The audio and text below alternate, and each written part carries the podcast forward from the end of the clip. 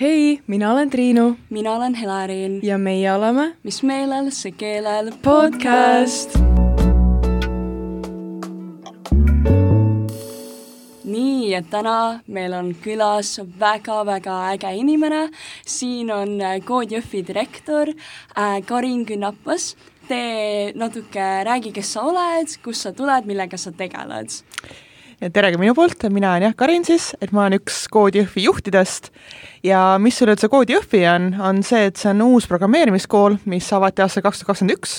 et see on selline huvitav kool, kus ei ole õpetajaid ja klassitunde, aga sellegipoolest õpetame programmeerimist. ja minu enda taustast natuke, ma olen viimased nüüd juba põhimõtteliselt üheksa aastat tegelenud startup'ide valdkonnas, et äh, töötanud erinevates organisatsioonides, mis aitavad siis idufirmadel edasi arendada, töötanud nii Eesti äriinglitega ehk erainvestoritega, kui ka korraldanud rahvusvahelist Euroopa Innovatsiooniakadeemiat, mis oli siis mõeldud üliõpilastele programm, kus nad viieteist päevaga jõudsid sellisest ideest või probleemist, mida nad tahtsid lahendada, kuni päris tooteni, mida esitada investoritele. okei okay,, see on, tundub väga äge. ehk siis see eelmine valdkond on sarnane sellele, mis sa praegu teed, aga kuidas sinu, sinust sai siis reaalselt kooli kaasjuht? Äh, Koodi Jõhvi alguslugu on hästi huvitav, et tegelikult see on alguse saanud äh, erasektorist, et kooli asutajad on kaheksa Eesti startup'i maastikul üsna tuntud inimest, näiteks Bolti kaasasutaja, Wise'i kaasasutaja äh,, ka erinevaid investoreid, kellega ma enne, enne olen kokku puutunud, ja kui see uudis tuli, et nad hakkavad kooli rajama, siis see lihtsalt tundus nagu nii üliäge mm. -hmm. et, et ongi, et nagu reaalselt selle tööturu vajadusest, nad on ise oma firmast ehitades saanud aru, et on vaja rohkem inimesi programmeerima mm -hmm. õpetada ja sellest, selle asemel viristada, hakkasin midagi tegema. Ja siis ma lihtsalt nägin seda uudist ja see tundus hullult äge ja ta hakkas koolijuhti otsima. aga see koolijuhi roll tundus ka väga suur, et nagu noh, täiesti nullist ikkagi, et sellist teistsugust kooli nagu käima tõmmata. Aga siis Euroopa Innovatsiooniakadeemias ma olin koos töötanud Elle-Mari Vappeliga ja siis eh, tema tegelikult, eh, see oli tema mõte, et ta helistas mulle, et kuule, aga mis oleks, kui kandideeriks koos ja siis ma nagu, et hmm, päris huvitav mõte ja siis äh, me otsustasime koos kandideerida, saatsimegi kooli asutajatele kirja, et äh, et miks mitte võtta kohe meeskond, kes on nagu koos töötanud kolm aastat, kes omavahel teavad, kuidas asjad käivad, siis käisime väga pika protsessi läbi ja üks asutaja viskas nalja, et tema otsis nagu Lauri Leesit ja siis ta sai selle asemel kaks noort naist juhte koolijuhti nagu. naised maailma päästmas. jaa, põhimõtteliselt küll nagu, aga ma arvan, et see oli hästi õige, et ongi, et nagu üleüldse kooli asutamisega on hästi startup-ilik või idufirmalik mõtteviis, et asjad liiguvad kähku ja nagu ega meil väga palju aega ei olnud, kui me kooliga tegelema hakkasime mm -hmm. ja just selles ongi, et me, kuna me kaheksa alustasime, et me olime enne koos töötanud, siis et see koostöö läks nagu kiiresti käima mm -hmm. tegelikult selles suhtes okay,. Okay. aga jah, et põhjus nagu, et äh, pikk juttu kokkuvõttes on see, et äh, kuidas ma sattusin, oligi, et lihtsalt see oli nii äge ettevõtmine, et oli tunne, et nagu, et tahaks sellega midagi kaasa lüüa ja siis nagu selle asemel, et niisama kaasa lüüa, siis tuli välja, et ma olen üks koolijuhtidest väga äge, aga sa mainisid enne, et äh, seal koolis ei ole õpetajaid.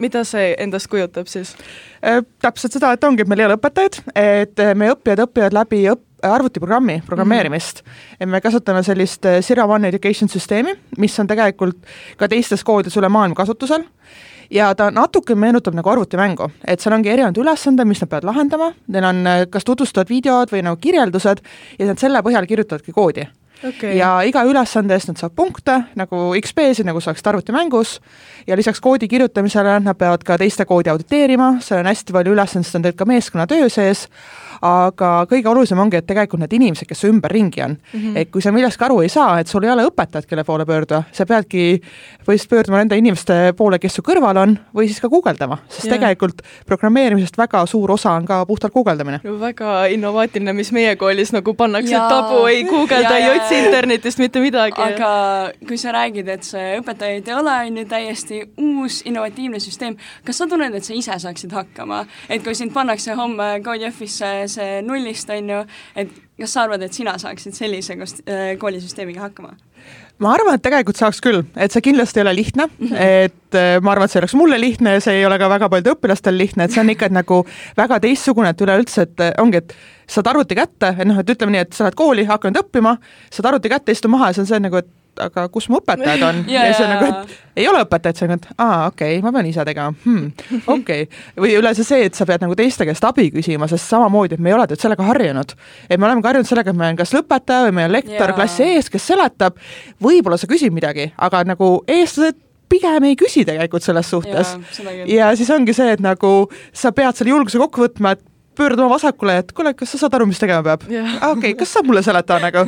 et see on selline eneseületamine ka, aga ma arvan, et eh, kui on motivatsiooni ja tahtmist, siis nagu saaks aga hakkama, et nagu panna see aeg ja see pingutus sinna sisse kui pikalt see õpe kestab üldse? see õpe on kuni kaks aastat, aga mis ongi selle iseõppega, on see, et tegelikult on võimalik ka kiiremini teha mm. -hmm. et me juba praegu selle esimese lennuga näeme, et osad õpilased liiguvadki kiiremini ja mis ongi positiivne, et kui sa räägid näiteks traditsioonilisest äh, koolist, et sul on nagu eksamid või sul on mingi kursuste lõpud, et sa pead seda ootama, aga siin sa ei pea nagu teiste järgi ootama mm, -hmm. et ongi, kui keegi tahab liikuda kiiremini mm, -hmm. aga samas, kui ka keegi tahab liikuda aeglasemalt, et seda saab nagu teha. nagu mingid klassiruumid, kus nad siis edasi liiguvad, erinevad tasemed? Tasemed?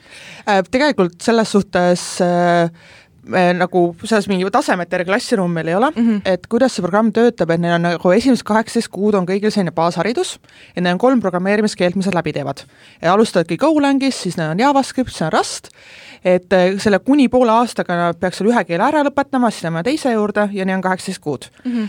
aga et ongi, kui osad teevad nagu kiiremini, siis nad alustavad järgmise keele kiiremini oh,. et yeah. Äh, meil õpilased on nii nagu koolis füüsiliselt kohapeal mm, -hmm. kui osad õpivad kaugemalt, aga me kasutame Discordi suhtlemiseks, et neil on mm -hmm. nagu virtuaalne suhtlus olemas ja nad, seal on nagu eri kanalid eri ülesannete kohta, ehk nad teavadki, et kes on okay. nagu sama ülesande kandis ja nad saavad nagu abi küsida ja arutada omavahel. selge, väga äge. Uh, ma tean natuke sellest suve programmist, on ju, et äh, kuidas siis äh, prog- äh, sinna sisseastumisprotsess reaalselt välja näeb, et ma tean, et teil praegu ongi see äh, sisseastumis, sa saad teha neid katseid, on ju, ja siis kas saab sisse või ei saa, aga mis sealt edasi? jah, põhimõtteliselt sisseastumine on praegu avatud, et äh, kui keegi otsib näiteks koodi Jõhvi ülesse või kood.tech on meie kodulehekülg, esimene samm on seal selline pooleteisttunnine mäng seal mängul ei ole väga juhendeid, et selles suhtes see juba paneb natukene okay. inimesed äh, nagu sa pead ise välja mõtlema, ise aru saama, mis sa tegema pead. ja selle mänguga on see, et sa poolteist tundi pead järjest mängima, et sa ei saa seda pausile panna. et ongi, et kohe, et äh, kui sa tahad kooli astuda, siis sa pead leidma selle poolteist tundi, kus sa saad mm -hmm. sellele keskenduda äh, ta testib nagu mälu, ta testib nagu loogilist mõtlemist ja siis selle, selle testi tulemuste põhjal me kutsumegi parimad äh, testperioodile, mida me kutsume siis selection sprindiks mm -hmm. ja see on selline kolmenädalane periood, kus reaalselt inimesed hakkavad programmeerima. ehk esimesest päevast alates nad saavadki katsetada juba sedasama õppeprogrammi, et kuidas on ilma õpetajate õppimine, äh, nad näevad teisi inimesi, nad peavad teistega ka tiimitööd tegema ja kolme nädala jooksul ongi neil iga päev tulevad uued ülesanded lahti, mis nad peavad ära tegema, nii kohustuslikud kui ka lisaülesanded, neil reedeti on eksamid, nädalavahetusel on tiimitöö. Et see on ühtepidi jah, selline testimine, kui kiiresti nad õpivad, kas nad saavad asjad tehtud, aga teistpidi on ka, et ongi, et võimalus neil tutvuda õppeprogrammiga ja teiste inimestega, sest lisaks sellele on ka sellised sotsiaalsed üritused, et see on reaalselt see periood, kus nad peavad olema meil koolis kohapeal mm -hmm. ja siis äh, sellesama testperioodi põhjal me valime siis parimad, kes saavad kooli vastu võetud aga see testperiood ongi, et ta on teistsugune süsteem kui teistes koolides yeah., aga tegelikult on hästi praktiline juba, et mhm. isegi kui kooli ei saa, et väga paljud on öelnud, et eelmine suvi, et see oli nagu lihtsalt üliägedad kolm nädalat neile, enne just need inimesed, keda nad kohtasid, äh, me oleme Ida-Virumaal, me olime eelmine suvi Sillamäel, see suvi oleme ka noh, Ida-Virumaa kandis kuskil, et selles suhtes, et see ongi selline teistmoodi ajaveetmisvõimalus, aga samas sa saad juba praktilisi oskusi ka yeah., et sa tegelikult õpid juba natuke programmeerimist, et siis saad jätkata, kui sa saad koodi Jõhvis, see sisse seal või kuskil ka mujal, et selles suhtes äh, ei ole lihtsalt mingi suvaline suvelaager, eks ju. aga see põhimõtteliselt ikkagi on nagu intensiivne õpilaager, et see põhimõtteliselt on laager, on ju, et ma neid Insta story sid näinud küll, kus kõik käivad rannas õhtuti ja ja mis iganes, on ju, mängivad lauamänge, pingsi, et tegelikult see on niisugune äge kogemus ka, on ju, et see ei ole ainult niisugune, et kõik istuvad kuskil pimedas nurgas ja äh, koodivad, on ju. Äh,, aga sa ütlesid, et kool asub Ida-Virumaal, et äh, miks nii, miks just Ida-Virumaal, meie teame seda kui noh, mis seal Ida-Virumaal ikka on, et kõik on Tallinnas, Tartus. ja ma arvan, et Ida-Virumaa on minu enda jaoks ka hästi suur üllatus, et tegelikult ma ise olen üldse Pärnumaalt pärit ja ma olen ka nagu Tallinnast, et noh, Tallinnast eemalt, aga ikka, et väga kaua juba Tallinnas elanud. et see oli jah, alguses kui oli, et jah, kool tehakse Jõhvi, siis mul endal sarnane küsimus on nagu, et miks, miks Jõhvi, eks ju äh, esiteks on hästi praktiline, on see, et seal on koolihoone, mida me praegu ka tegelikult renoveerime, et kus siis saab meie tulevane viiekorruseline korralik koolihoone olema, et mm -hmm. hästi praktiliselt, et põhimõtteliselt me saime selle kasutuse endale. ja teine on lihtsalt see, et see kooli rajamine Jõhvi on kindlasti nagu suurem mõju piirkonnale yeah., kui see oleks see, et kui see on, oleks Tallinnas või Tartus ja just seesama testperioodiga, mis me nägime ka, et oligi, kuna hetkel meil oma hoonet ei ole, siis me praegu oleme üldse veel Sillamäel. et kui inimesed tulid suveks siin Sillamäele, et nad tulid nagu sellest oma tavaelust välja, mis oligi võib-olla sundis neid rohkem omavahel suhtlema mm, -hmm. väga paljud avastasid reaalselt Ida-Virumaad, sest Ida-Virumaa töötab megaäge -hmm. et kui ei ole käinud, ma väga soovitan minna, et reaalselt võtke, võtke mingi sõbrad kampa ja veetke mõned päevad nagu suvel seal. selline suve road trip ja, ja minge, minge Ida-Virumaale. et seal on väga palju kohti, mida nagu avastada selles suhtes ja inimesed on toredad, eh, eesti keelega saab ilusti hakkama, mis ma mhm. arvan, et on päris paljudel nagu mure, aga jah, et noh, üks mõte oli kah selline regionaalne areng ka, et tegelikult ongi, et mm. et näidata, et kõik ei pea puhtalt Tallinnas või Tartus olema, sest tegelikult eh, Tallinnast Jõhvi rongiga sul läheb sama kaua aega kui Tallinnast Tartusse, aga mille pärast Tallinnast Tartusse sõitmine tundub nagu palju loomulikum kui see, et ah, ma lähen Jõhvi, eks ju. Yeah.. et siis sellepärast tuli see mõte jah, et miks see kool sinna sai tehtud aga kas õpe on teil eesti keeles või on võimalik ka, ma ei tea, inglise, vene keeles õppida? õpe on tegelikult just inglise keeles, et äh, kuna me räägime programmeerimisest, siis selle õpetamine eesti keelde oleks natukene kunstlik võib-olla mm, -hmm. et sellepärast see programmeerimismaailm siiski on tegelikult ingliskeelne. Okay.. ja kui sa pärast lähed tööle, siis kõik need terminid ja kuidas seda tehakse, on tegelikult ingliskeelne. Okay.. aga ma arvan, et see on ka üks asi, mida võib-olla ei pea kartma, et äh, inglise keele tase, noh, loomulikult peab inglise keelest aru saama, aga me ei eelda, et inimestel oleks nagu mingi ülikõrge inglise keele tase, et äh, omavahel saab suhelda nii eesti-vene kui ka inglise keeles, et oleneb nagu kellega siis rohkem kokku puututakse mm. -hmm. ja mind huvitas see, et äh, sa ütlesid ühes intervjuus, et äh, igaüks peaks oskama kodeerimist, et äh, milleks siis, kus me seda päriselus või praktikas kasutame?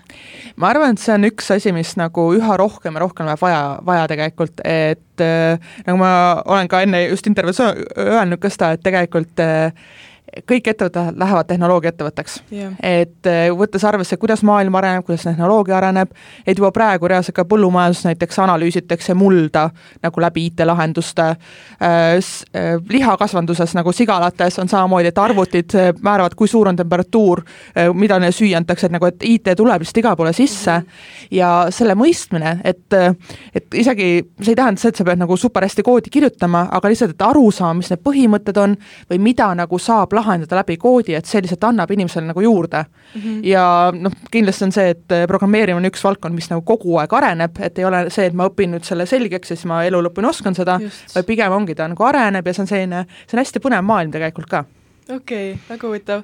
aga inimesed, teil vist ei ole veel keegi lõpetanud seda kooli, aga kas, kas sa tead, et kelleks siis need inimesed soovivad saada või mis alaga nad soovivad edasi tegeleda, kui nad on lõpetanud? selles suhtes meil on hästi põnev koolis ka, et meil on väga erinevate taustaga inimesi. meil on inimesi, kes on tulnud põhikooliharidusega, neil on võib-olla gümnaasiumi lõpetamata, on inimesi gümnaasiumiharidusega. Te, te ei küsi mingisugust äh, eelnevat haridus me põhimõtteliselt nõuame, et on äh, põhiharidus ja kaheksateist okay., aga põhiharidus on Eestis nagunii kohustuslik tegelikult et see peaks kõigil olemas olema mm. -hmm aga jah, et meil on ka magistrikraadidega, et meil näiteks inimene, kes on töötanud juristina päris pikalt, tuli nüüd õppima programmeerimist, erinevate teiste nii bakalaureuse kui magistrikraadidega, et selles suhtes ma arvan, et ongi väga põnev meil endaga tulevikus näha, et kuidas nad hakkavad neid teadmisi rakendama. et üks variant on jah, reaalselt arendajad, aga samas ka näiteks disaini koha pealt või tootearenduse koha pealt või tootejuhtide koha pealt, äriarenduse koha pealt, et neid rakendusi, kuidas, kus saab programmeerimist kasutada, on väga palju. ja meil on programmis ka, et ongi pärast seda baasharidust on tegelikult spetsialiseerumised, kus näiteks mobiili, mobiilirakenduste arendamine, küberturvalisus, andme andmete analüüs, et see veel laiendab neid okay. võimalusi, mida tulevikus okay, teha. okei okay., et sa saad ikkagi valida, mis ja. eriala nii-öelda, on ju? et viimase, viimase kuue kuu jooksul jaa. ja okay. sinna ka, et lisaks oma partneritega me veel arendame ka lisaülesandeid või lisamooduleid mm juurde, et mis meie kooli mõte ongi see, et see haridus on hästi praktiline mm -hmm. ja et me tahame aidata, et inimesed saaksid pärast head töökohad, et sellepärast me oleme kaasanud ka päris palju partnereid, et nendega koos, kui me need ülesanded välja töötame, selle eesmärk on see, et mida inimesed õpivad, on see, mida pärast tööturul vaja on et kuna ongi te, tehnoloogia areneb nii kiiresti, siis seal on vaja tööandjate sisendit, et olla kindel, et see programm, mida õpetatakse, on vastav sellele, mis mm. nagu, kui inimene tööle läheb, mida ta peaks oskama. ja, ja see on iseenesest väga äge, sest ma tunnen, et võib-olla gümnaasiumis, eriti siin kesklinna koolides, on väga palju seda teoreetilist õpet, et me ei õpi praktiliselt ja sama ka ülikoolides, et sa teed, meil käis üks terapeut rääkimas ja ta rääkis ka, et ta läks ülikooli teraapiat õppima, aga see oli täiesti teooria mm, -hmm. et ta põhimõtteliselt peale seda, seda haridust ei osanud tegelikult praktilises maailmas mitte midagi ja et ta läks eraldi kursustele, et siis seda praktilist poolt õppida ja et see on hästi äge, et teie teete seda teistmoodi. aga rääkides eraldi inimestest, siis äh, kas teil on põhiliselt eestlased või on ka välismaalt ja siis palju on mehi, palju on naisi, et -hmm. natuke rääkida sellest? Äh, hetkel meil on põhiliselt inimesed, enamik, kes on äh, Eestis elavad või Eesti elamislubadega, et meil on tegelikult kuusteist erinevat rahvust okay.. aga jah, et hetkel me oleme nagu täiendkoolitus, et meie ametlikult ei ole haridusasutus, kuna mm -hmm. Eesti Haridusministeeriumil ei ole definitsiooni haridusasutusele, kus ei ole õpetajaid. et me sellega tegeleme et sellepärast me ei saa elamislubasid praegu pakkuda, et miks okay. meil on nagu Eestis elavad välismaalased. aga, aga küll varsti saab ka selle, on ju. ja sinna jõuame ka nagu. aga jah, et jah, et enamik on nagu Eestis elavad inimesed, et noh, ongi, et eestlased ja ka vene emakeelega inimesed, kes Eestis elavad enne. Ehm, naisi meil on kuskil veerand okay.. et see on kindlasti üks protsent, mida me tahaks veel kasvatada, aga Eestist väljapool ongi, meil on nagu, meil on viis lätlast, meil on üks venelane ja see aasta me kindlasti tahaksime rohkem just Baltikumist ka juurde saada, et me yeah. oma turunduse poole pealt olemegi nagu Läti ja Leetu rohkem panustanud, et sealt võimalikult rohkem õpilast saada. et jah, nagu et kuuleb igasugust erinevaid keeli tegelikult. okei okay. okay., see on hästi äge jaa uh,. mul tekkis uh,, mul oli juba kohe, kui Helerin ütles, et uh, meile tuleb IT-sektorist naine rääkima, siis mulle meenus, et mina rääkisin ükskord ühe poisiga, kes õpib küberturvalisust mm. -hmm ja, ja ta rääkis, et põhimõtteliselt tema pakub siis sellist teenust, kus internetilehtedelt otsib nii-öelda veakohad mm -hmm. üles ja annab neile siis teada. aga et kui sellist asja õpetada, kas ei kardeta, et see nagu backfire ib, et äh, asju ei hakata, neid teadmisi ei hakata kasutama mitte selleks, et äh, anda teada lehtedele, mis on nende veakohad, vaid kuidagi hakatakse häkkima hoopis no selles suhtes, et ma arvan, me kõik tahame inimeste vaata parimat uskuda, et yeah. selles suhtes, kui, kui me midagi õpetame, et see ongi selle eesmärgil, et nad tahavad asju paremaks teha, et aga noh, kunagi ei tea, et selles suhtes ma arvan, et selline üheksakümmend üheksa koma üheksakümmend üheksa üheksa protsenti kasutab heaks ja siis see väike protsent võib seda ka halvaks kasutada mm. -hmm. aga kindlasti nagu neid oskusi on vaja õpetada ja just ma arvan, küberturvalisus, eriti praegust maailma olukorda arvestades, on väga oluline, väga oluline valdkond, millega peab tegelema ja mida peab tegelikult õpetama, et et ongi, et inimesed saaks üle, üleüldse aru, mida see endast tähendab ja seesama, et ka nagu veebilehtede selliste ohukohtade mõistmine, et see on nagu hästi oluline, sest äh, tihtilugu, kui me räägime mingitest väiksematest äh, tegijatest näiteks, et ongi, et kellelgi on oma kodu perefirma või koduleht, äh, ei ole väga IT-teadmisi, ta ei pruugi isegi teada saada, et kui palju informatsiooni sealt võib nagu kätte saada, aga et samas ongi sellised inimesed, kes seda testivad, et saaks tegelikult nagu väga halbasti asju ära hoida mm. -hmm. ja, ja aga võrreldes teiste, no ülikoolis saab ka ju tegelikult õppida õppida IT-d, et ükskõik Tartus, Tallinnas, et äh, teie siis äh, nii-öelda, nii-öelda, ma ei oska rääkida nüüd et aga teie olete siis paremad sellepärast, et äh, te õpetate neile praktilisi teadmisi pigem, on ju? Selles äh, ma, ma ei ütleks, et me oleme paremad, me oleme teistsugused okay. et kindlasti äh, minu arust nagu kutseharidused, ülikoolid teevad väga head tööd yeah. IT-õpetamises ka ja meil ongi vaja, hästi oluline on see, et meil oleks nagu erinevaid viise, kuidas inimesed saavad õppida. et ongi, et kui rääkida nüüd ülikoolis sellisest loengupõhisest ja just sellest ka, et kus ongi, et nagu rohkem teoreetilisi aineid, see on kindlasti väga oluline ka ja see on väga inimestele, väga paljudele inimestele just sobilik, et nad saavadki sellised baasteadmised mm -hmm. eri valdkondadest ja siis, kui nad lähevad näiteks magistriõppesse või läheb kuskile edasi, siis hakkavad nagu spetsialiseeruma.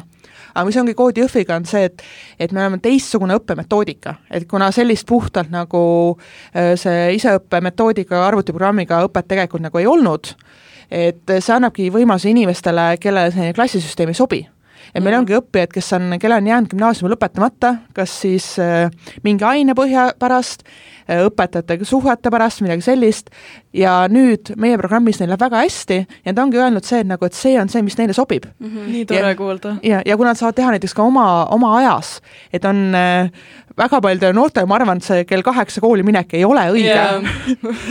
aga nüüd ongi see, et nagu nad saavad hommikul kauem magada, äh, neile sobib öösel töötamine yeah., laske käia, sest Just. te saate siis nii teha.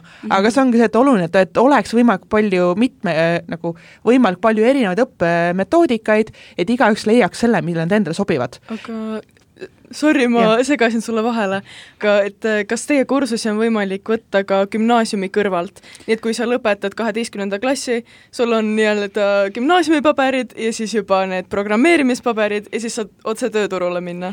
Hetkel sa päris äh, kõrvalt ei saa, no põhimõtteliselt meil on inimesi, kes nagu töötavad mm -hmm. või on ka mõni, kes õppis nagu mujal koolis ja teeb meie programmi samalaegselt.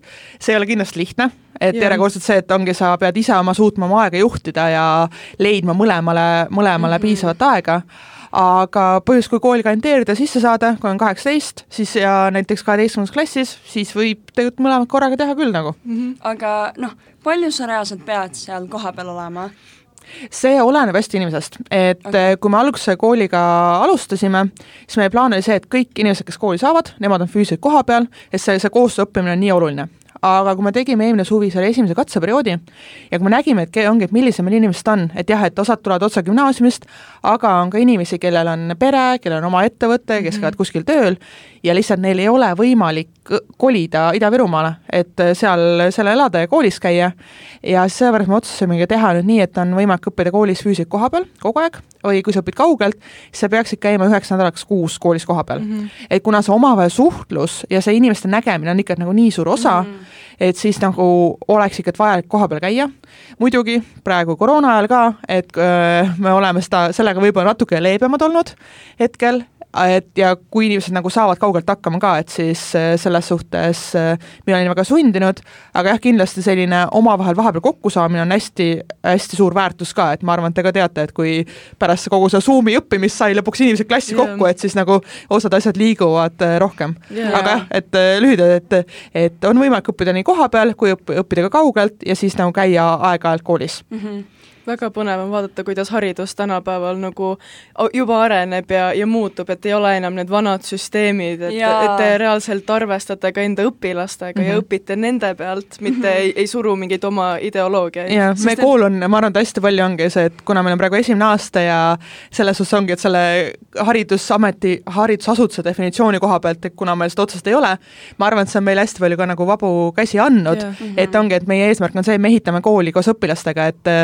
et äh, ongi, et meie kooliõpilased ise hakkasid oma podcast'e tegema, et me nagu, et kui te soovite, siis me toetame teid, meil on iga nädal ka code talk'id ehk kus meil käib keegi väljapoolt esinemas, samamoodi nende, nende teemadega, me tegime õpilastele küsitlused nagu, mis teemad teie arvates on kõige olulisemad. Yeah. ja siis üritame need täita, et nagu leida kas partnerite poolt või väljapoolt kõik esinejad, et ongi, et nagu hästi palju nende arvamust üritame arvesse võtta, sest noh, ongi, et kuna me alles nii alguses oleme, siis nagu hästi oluline, et see, et nagu neil oleks ka see hea olla mm -hmm. ja põhimõtteliselt nagu oma õppijatega koos me tegelikult õpime. Ja, ja praegu minu meelest noorte seas on nii palju seda juttu, et äh, me võiksime olla innovatiivsemad just yeah. haridusvaldkonnas. Mm -hmm. ja teie teetegi seda ja ma arvan, et väga paljud õpilased on tohutult tänulikud selle pärast, et neile ei sobi see süsteem, mis meil mm -hmm. praegu on yeah., et see vana süsteem nii-öelda. aga sa enne rääkisid natuke sellest, et okei okay,, te annate neile kohe, põhimõtteliselt, õpilased saavad kohe peale kooli lõpetamist head töökohad, on ju, mhm. aga millal sa arvad, et IT-sektor on üleküllastunud inimestest, sest et praegu kõik räägivad IT-st, et minge IT-d õppima, minge, minge ja väga paljud lähevadki, et, et millal see moment sinu arvates siis lõpuks tuleb? Ma arvan, et see moment ei tulegi. Et see on viimaste uuringute järgi, näiteks OSKA just tegi hiljuti ja nende, nende arvutuste järgi on Eestis puhtalt kaheksa tuhat töökohta kus oleks vaja inimesi, kes oskavad programmeerida ja me räägime puhtalt wow. Eestist. me räägime riigist, kus on üks koma kolm miljonit inimest aga kui võtta nagu terve maailm, et ja me ei räägi puhtalt nendest startup idest, see on rohkem ka selline traditsiooniline majandus, et ongi et seesama, et liigutakse rohkem tehnoloogiliste lahenduste poole, et sul on mhm. vaja inimesi, kes oskavad programmeerida. ja järjekordselt see ongi, et see ei tähenda puhtalt ainult programmeerimisrolle, et neid töökohti on teisi ka, kus neid teadmisi vaja on. Yeah.. et selles suhtes ma arvan, et jah, et see tööturg ei saa kunagi täis, et neid kohti kindlasti leidub. Ja just see ka, et ongi, et ma arvan, et oluline aru saada, kui sa õpid programmeerimist, ei tähenda see, et sa oled puhtalt programmeerija, kui sa ei mm. taha olla. Okay.. kui sa tahad olla, muidugi see on nagu väga põnev selles suhtes, aga et on nii palju muid, muid võimalusi veel. ja võib-olla ka, et üks ma arvan, et äh, üks müüt, mida suht tihti näeb, et ongi programmeerimise kohta, on see, et kui inimene, kes kirjutab koodi, ongi kuskil pimedas toas pika patsiga poiss, kes teeb midagi vaikselt ja siis vajutab kolme nuppu ja siis umbes häkib, ma ei tea, FBI-sse sisse, eks ju. nii, see tundubki nii. aga tegelikult see ei ole üldse selline, et tegelikult, mis minu enda jaoks, ma arvan ka, et äh, on selline äge avastanud, et tegelikult äh, koodi kirjutamine on väga loominguline tegevus et see ongi sul, see on elis-, erinevad nagu probleemi, mida sa pead lahendama mm -hmm. ja kuidas inimesed seda teevad, et sul ei ole sellist ühtset eh, lahenduskäiku, mis võib-olla järjekordselt ongi, kui mõelda näiteks mingi matemaatika või selliste ainete peale, et sul enamasti ikka, et on nagu noh, üsna selge viis, kuidas yeah. sa sinna jõuad, aga koodiga päris nii ei ole, et ongi, et see, et nagu sa võid kirjutada väga, üks kirjutab paar koodi, koodirida, teine kirjutab paarsada koodirida ja tulemus on lõppkokkuvõttes sama tegelikult, et jah, nagu see viis on nagu hästi palju, kuidas asjadele läheneda okay,. Okay. kui oluline on reaalainete oskus, kui õppida kodeerima? ma arvan, olulisem on lihtsalt selline loogiline mõtlemine mm -hmm. ja ongi soov lahendada probleeme või selliseid mõistatusi võib-olla isegi, kui nii nimetada, et äh, jah, nagu ma arvan, et rohkem jah, sellele keskenduda, kui puhtalt see, et mis su füüsika või matemaatika okay. hinne on, et ongi, et endal, kui sul jah, selliseid ülesandeid meeldib lahendada, loogilist mõtlemist on, siis see programmeerimine ka sobib. ja kindlasti ma arvan, et see on ka, et nagu katsetada mm, -hmm. et vaadata, et et lihtsalt proovida mingi ülesandeid teha, et tegelikult internetis on ka nii palju nagu tasuta võimalusi, kus seda saab teha, et vaadata, kas, kas see võiks nagu põnev olla tegelikult mm. -hmm aga veel üks tööturu küsimus veel, et äh, mis on reaalne palk, kui sa kooli lõpetad ja mis need tööpositsioonid, mingid kindlad näited võib-olla mm, -hmm. et mis see nii-öelda mitte siis täiesti koodimine on, on ju? jah, no palgatasemetega on ka jälle see, et see on ka nagu väga-väga erinev okay., et äh, mis on programmeerimisega hästi hea, et tegelikult äh, ma arvan, et üsna palju on ka liikunud selle peale, et eh, kui sa tööle kandideerid, siis kontrollitaksegi sinu oskuseid mm. -hmm. ja koodi kirjutamisest saadakse see oskusi kontrollida, sest sa peadki näiteks mingi, mingi asja ära lahendama ja selle kohta koodi kirjutama mm. -hmm. palgatasemete koha pealt eh, kindlasti kõrgem kui Eesti keskmine mm, -hmm. ma tahaks öelda selline pooleteistkordne Eesti keskmine võiks kindlasti olla okay., mida saaks saada, ja töökohta koha pealt jah, juuniorarendajad, eh, tootejuhid, et näiteks ongi, et startup ides need, kes nagu tooteid arendavad, mis mingil määral on võib-olla seotud ka koodi kirjutamisega, võib-olla rohkem nagu äripoolega, aga lihtsalt sa pead sellest IT-poolest aru saama, ega disaini peale liikumine tegelikult, äh, veebiarendused, needsamad testijad, kes siis nagu kodulehtedes saavad testida mm, -hmm. et noh, neid kohti on tegelikult päris palju, mida, mida, kus, kus nendest teadmistest on kasu. väga äge, nii palju võimalusi. jaa, sest minu meelest jah, hästi paljud arvavad, et see koodimine tähendabki ja. ühte konkreetset töökohta, aga tegelikult seal on nii palju veel teisi.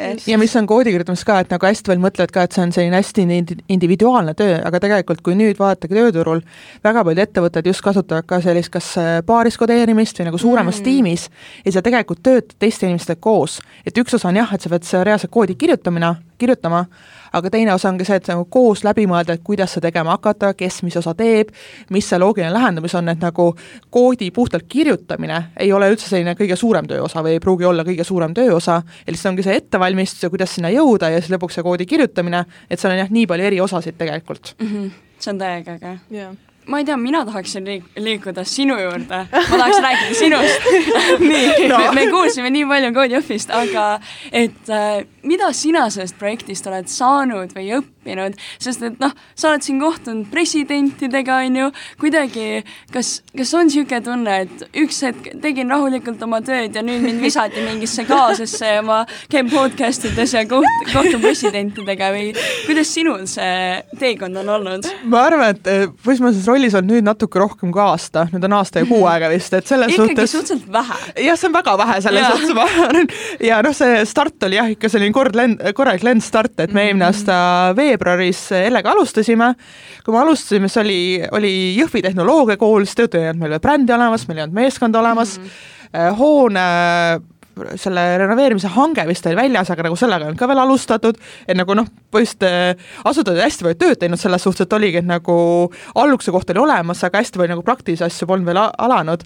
et selles ma mäletan just, et oligi vist märtsi alguses oli, et meil esimesed nagu ajalehe intervjuud, mis ma nagu, et ma ei ole kunagi ajakirjanikuga rääkinud, siis ma olin umbes telekaamera ette kaasa nagu, et äh, mis ma siin tegema pean nagu et ma arvan, et see on nagu selline hästi-hästi põnev teekond ka endal olnud just äh, selle arengu koha pealt, et ja ongi väga palju teemasid, millega ma ei oleks kunagi arvanud, ma pean nagu tegelema mm. -hmm. et me just hiljuti oli ehituse koosolek, kus arutasime nagu aknapalesid ja siis ma nagu, et näiteks mingi joonised ja ma nagu, et ma ei ole päris kindel, mida ma vaatan praegu, aga okei okay,, siis see on et... sa, sa lihtsalt noogutad ja teed tarka nägu. ja, ja siis on kool otsustab, ma nagu, et esimene variant tundub päris hea, teeme selle siis aga ehk nagu ehk pärast, kui hoone valmis saab, kui aknapalad on valed, see on minu süü. Yeah.. aga jah, et ma arvan, et see on nagu hästi põnev teekond on nii oma meeskonna koha pealt kui ka tegelikult ka asutajate koha pealt, et meil on asutajad on ikka nagu väga tihedalt ka kooliga seotud mm. -hmm. et eh, ma arvan, et on ka sellise meeskonnaga koostööd teha, mul ei ole enne võimalust olnud, aga see on, samas see on nagu endale väga äge. ja see oli vist eelmine aasta mingi detsembrikuus või novembris kuskil oli Äh, ma olingi mingil üritusel ja siis midagi koodi Jõhvist räägiti ja siis ma istusin seal ja ma sain aru, et me avasime kooli see on täiesti nagu, jah, nagu et äh, jah, me, sa oled, ongi, et kui sa seal sees oled, sa tihti ei mõtle selle peale yeah., aga oligi siis mingi hetk, et, me oleme nagu reaalselt inimesed, kes õpivad siin ja noh, põhimõtteliselt vastutame nende tuleviku pärast ka, et nagu et need asjad ikka selgeks õpiksid ja mis nagu neist tulevikus saama hakkab, et et meil, kui meil oli kooli avapäev, siis oligi äh, president Kaljulaid käis ka meil külas ja siis tema tegi kõne ja siis noh, ta peale, põhimõtteliselt ütles seal samamoodi esimesel lennul, et noh, et et teie pealt vaadatakse tuleviku või noh, selle kooli edukust, eks ju. ja siis oligi, et no pressure, no, no pressure, no pressure. ja sealt hakkaski hashtag no pressure, et see on nagu, et jah, et nagu, et samamoodi, et avasime kooli, et noh, no pressure, aga sul on mingi peaaegu kakssada inimest, kes noh, põhimõtteliselt loodavad selle peale, et see, mis nad siit õpivad, on see, mida me neile lubanud oleme, eks ju yeah aga jah, et see on kindlasti nagu hästi põnev olnud ja väga-väga arendav ja mul on nagu väga hea meel, et me Ellega otsustasime kandideerida mm. -hmm. et ma arvan, et oleks praegu seda kõrvalt vaadanud, et keegi teine teeb, siis ma oleks päris kade tegelikult juba. jaa, see on väga-väga äge projekt, aga noh Elle-Mari läks nüüd äh, raseduspuhkusele vahepeal ja sa jäid täitsa üksi, kes ei tea, siis Elle-Mari on mu õde äh,. sest ma ei öelnud seda alguses, ma aga et kuidas see on olnud või et kas see oli kuidagi raske, et okei okay,, me alustasime koos ja nüüd sa oled nagu üksi yeah. seal mingil määral, minu arust sa ei ole üksi, teil on terve tiim, aga selles mõttes, et äh, ma arvan, et selles suhtes see nagu äh, läks hästi, et oli, kui me kandideerisime, tol hetkel Ele rasa ei olnud. Ja see poiss tuli väi-, noh, ta sai ise ka teada siis, kui meil see pakkumine juba tehti, aga just alguse suhtes oli väga hea, me olime kahekesi. et oligi, et kuna ülejäänud meeskonna tol hetkel veel ei olnud e, ja just oligi, kuna me olime enne koostööd teinud ja sellesama Euroopa Innovatsiooni Akadeemiaga, mida me tegime, oli see, et meil olid eri, eriprogrammid eri riikides, näiteks Portugalis, Itaalias, Hongkongis, et e, mina vastutasin selle programmi sisu eest, Elle korraldas siis nagu ülejäänud sünd sündmust. ja me olime nagu väga tihedalt koostööd teinud eri, eri riikides, eri olukordades ja meie koostöö toimis väga hästi. ja just see, et kooli al-, alguse suhtes, et kuna oligi, et nagu see algus oli väga kiire, siis eh, see oli suurepärane, et me oligi nagu, et oli olemas teine inimene, kellega mõtteid põrgatada, eh, kui oli raskem päev, siis vahepeal natukene närve rahustada, eks ju. et, et jah, ja selles suhtes ja nagu ja samas teistpidi oli olemas ka kohe usaldus, et see ongi, et kuna me olime enne nagu koos asju teinud, siis ma teadsin, et kui tema lubab, et ta teeb midagi ära, et ta saab tehtud, tema teadis, kui mina ütlen sama, et samamoodi. et see oli kindlasti nagu alguses hästi hea. Ja seega noh, et eh, kuna ma saingi teada, et ta ootab väikest rasmust, et siis noh, me oskasime juba ette planeerida ka, et sellega, et ongi, et kui ta mingi hetk läheb ära, aga noh, ta plaanib kindlasti ka varsti tagasi tulla, aga jah, et eh, ma arvan, et oligi see kõige kriitilisem oli, et sellesama kooli alguse koha yeah. peal ta tegelikult siis oli olemas yeah. ja siis jah, oligi, et edasi siis sel hetkel, kui tema lahkus, meil oli juba meeskond ka taga, kes, kellega oligi valdkonnad ära jaotatud, need valdkonnad olid juba mingi määraga käima saadud, et siis oli kindlasti see nagu lihtsam okay.. aga ma ootan teda tagasi küll juba et selles suhtes see on paindlik nii õpilastele kui ka, kui ka teile kui juhtidele, et et kuna see on niimoodi distantsilt ja, ja saab ka lapse kõrvalt siis tagasi tööle tulla et.... jaa, jah, seda kindlasti, et ongi, et selles mõttes, et äh, järjekordselt, kuna me teeme esimest korda, siis noh, mingite asjadega, et võib-olla me oleme natuke edasi lükanud, siis me nagu saame seda teha. Yeah. ja just see, just seesama ka, et ongi, et me, kuna me ei ole nagu haridusasutuse kastis hetkel, see annab meile rohkem vabadust tegelikult. Yeah.. Et aga noh, tegemist jätkub alati. Ja mis plaanid on teil tulevikuks, et kuhu te veel areneda, sa ütlesid, et te soovite Lätis ja Leedus laiendada yeah. ennast, aga kas veel midagi? no põhimõtteliselt meie praegu selle aasta eesmärk on see, et tegelikult me tahaksime rohkem õppijaid vastu võtta mm, -hmm. et kuna me näemegi, et ongi väga paljudel see kaugelt õppimine töötab ja me tahaksime vastu võtta kuni nelisada palju teil praegu on? Äh, praegu esimesel lennul meid alustas natuke üle kahesaja, meid praegu on umbes selline sada kaheksakümmend viis on okay., kes jätkavad okay ja noh, sel aastal me alustasime nüüd kandideerimisega, tähendab, kandideerimine algas esimesel veebruaril, meil on praegu umbes tuhat ükssada inimest, kes on testi teinud mm et selles suhtes nagu neid jätkub, aga noh, tahaks ikka rohkem mm. -hmm. aga jah, et äh, kindlasti, mis on eesmärgid, ongi see, et me tahame Lätist, Leedust saada või välismaalt rohkem inimesi, me tahame Ida-Virumaalt saada rohkem õppijaid ja me tahame ka tüdrukuid ja naisi rohkem kooli saada mm. -hmm. ja tuleviku vaates, mis on meie plaanid, on see, et et seesama, mis ma ütlesin, et nagu, et tegelikult me räägime mitmest tuhandest inimesest, kellel oleks nende oskustega töökohad olemas, et me kindlasti tahaks ka kooli koha pealt laieneda meil on praegu mõte, et me tahaks selliste väiksemate õpiklassidega minna teistesse linnadesse, mitte päris nagu täiesti uut kooli. Mm, -hmm. et me, me ei ole veel head nime sellele välja mõelnud, aga me olemegi mõndade teiste Eesti linnadega juba suhelnud selle koha pealt. Mm, -hmm et võib-olla sinna nagu laieneda mm. -hmm. Need ei oleks Tallinn ja Tartu, et samamoodi mõte on see, et on ju. et ongi, et kas kohalikele Väga noortele äge. või inimestele, kes ongi võib-olla sellest piirkonnast või tahavad sinna kolida, et nagu tekitada neid võimalusi. ja, täpselt. ja samas ongi, et ja Eesti on nii pisikene, et nagu Tallinnas sõita kuskile mujale või nagu Tartus sõita kuskile mujale, et et äh, kord no, kuus veel ka, on ju, et noh, see ei ole nii suur ja, probleem. ja see on täpselt see, et avasta Eestimaad, on ju, et meil on nii palju ilusaid kohti ja sinna võiks võiks ka minna, mitte ainult mingi vanaemale külla, on ju. tegelikult kaudselt te siis niimoodi ju aitate ka riigi majandust. no loodame, loodame. ja noh, seega ma arvan, et äh, üks äh, asi, mis ongi nagu äh, nii-öelda koroona sellest viimasest kahest aastast on positiivne, et inimesed saavad aru, et ongi, et sa ei pea alati füüsiliselt kohapeal olema, et selles mõttes ongi, et kui näiteks me teeme kooli kusagil Lõuna-Eestisse, inimesed õpivad seal, tahavad sinna elama pärast jääda, siis nad tegelikult saavad ka sealt töötada teistele ettevõtetele, kes asuvad siis Tallinnas, kes asuvad Tartus, Tartus või isegi võib-olla kuskil USA-s. et selles mõttes, et ongi, et me, me oleme ise rohkem harjunud sellise kaugtööga ja ma arvan, et see on hästi palju võimalusi andnud, et et tegelikult äh, võib linnast välja kolida väga,. väga-väga äge. jaa, aga mul on selle suve teema kohta veel küsimusi, et kas te otsite vabatahtlikke ka sinna appi? Appi selle suveprogrammile, sest et ma mõtlesin küll, et noortele saaks niisugune megaäge kogemus, aga ma ei tea, kas te otsite inimesi sinna? Äh, meil eelmine suvi olid tegelikult äh, praktikandid, kes olid aitasid õppijaid, äh, kes olid väljapoolt, aga sellel aastal me kasutame pigem oma õppijaid okay., et ongi, et anda neile võimalus oma kogemust jagada uuele lennule mm. -hmm. et nüüd esimene katseperiood me tegelikult teeme nüüd juba aprillis ja meil ongi kolm oh, okay. oma õppijat, kes, kes on siis praktikandid, sest nemad oskavad rääkida sellest samast, sellest katseperioodist ka tege- ja tegelikult ka pärast kooli elust. et, et ongi, et inimesed tuleksid võimalikult õigete ootustega, et kui nad kooli sisse saavad yeah., et ja nad teaksid, kuidas see käib ja mis nagu vaja on ja samamoodi nemad, meie oma õppijad, kui nad on praktikandid või noh, kes toetavad teisi, siis nad teavad ka seda, et millega neil oleks abi olnud vaja. et kui nad ise seda läbi tegid, et see, see testperiood kindlasti, et ma ei lihtsusta, et see on, see on, see on üsna pingeline, aga see on ka meelega pingeline mm. -hmm. et see ongi selline kolm nädalat, et nagu äh, sajaga peale lennata, et vaadata, kuidas nagu läheb, et pärast õppetöö on rahulikum, aga jah, et selline, see kolm nädalat on küll selline, et äh, võib-olla natuke närviline, oleneb nagu inimesest, eks ju, aga noh, tähtaegasid on palju, ülesandeid on palju, täiesti uus keskkond, et selles mõttes on nagu, et oma õppijad oskavad äh, seda paremini handle da yeah., et kui nad on see ise läbi teinud mm -hmm.. okei okay., väga, väga põnev. Aga sinu, ma tahaks nagu sinu siis suurim õppetund?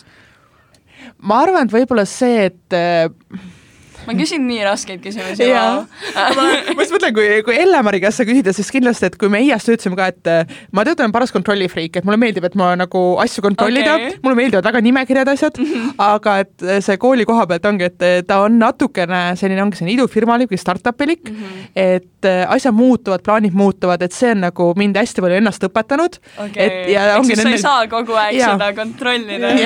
aga samas ongi nagu, aga see on kuidagi selline positiivne muutus nagu olnud, et et selline mittekindel olukord on eh, just nagu endal on ka hästi põnev yeah.. et selles suhtes okay., et see nagu, et ei tekita sellist halba ärevust, vaid on selline positiivne ärevus, et okei okay,, mis nüüd saab, et või mhm. katsetame seda, et vaatame, mis sellega saab ja nii edasi, et nagu, et et see nagu endal on, endal on ka nagu äge. selline veits spontaanne et niisugune vabastav tunne, et ei pea kogu aeg liste hoidma, on ju? aga list on ikka olemas ka igaks juhuks, kui kõik läheb hästi. ja, ja. aga lõpetuseks, kas sa tahad äh, promoda mingisuguseid oma kanaleid või teie podcast'i või midagi? jaa, äh, kindlasti otsige Kood Jõhvi üles näiteks Instagramist, Facebookist, LinkedInist. jah, kandideerida saab, on ju? kandideerida saab ja näiteks meie Instagramis on ka, me oleme teinud ka selliseid the life of, et kus ongi õppijad näitavad reaalselt, et mida nemad igapäevaselt teevad, et keegi, kes on huvitatud kandideerimisest, see on kindlasti nagu selline põnev materjal, et aru saada, et milline reaalselt see õppetöö on tegelikult ilma, ilma õpetajateta. Äh, jah, ja kodulehel kood.tech saab siis praegu kandideerida ja kui otsida Spotify'st ja Apple Play'st üles Codecast, ehk siis nagu podcast, aga podcast siis saab kuulda, siis leiab üles meie kahe õppija poolt algatatud podcasti, kus ongi mõni, mõned saated on siis nagu koolielu kohta ja me oleme hakanud tegema ka saated meie asutajatega ja plaanis on teha ka partneritega, et selles mõttes, et sinna tuleb väga palju põnevat sisu, et kindlasti otsige meid üles, hakake jälgima ja siis tulge ka kooli. väga ja, tore. Teil on väga äge sotsiaalmeedia, kelle, kes sellega tegeleb? Antero, kes on tegelikult, äh, õpib Tartus riigiteaduseid ja nüüd ta on äh, meie turunduse kommunikatsioonijuht wow,.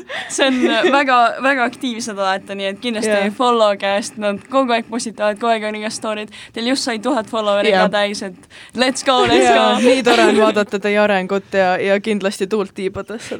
suur aitäh teile! aitäh tulemast! aitäh, et sa tulid ja, ja kuulajatega näeme juba järgmine pühapäev, tšauki! tšauki!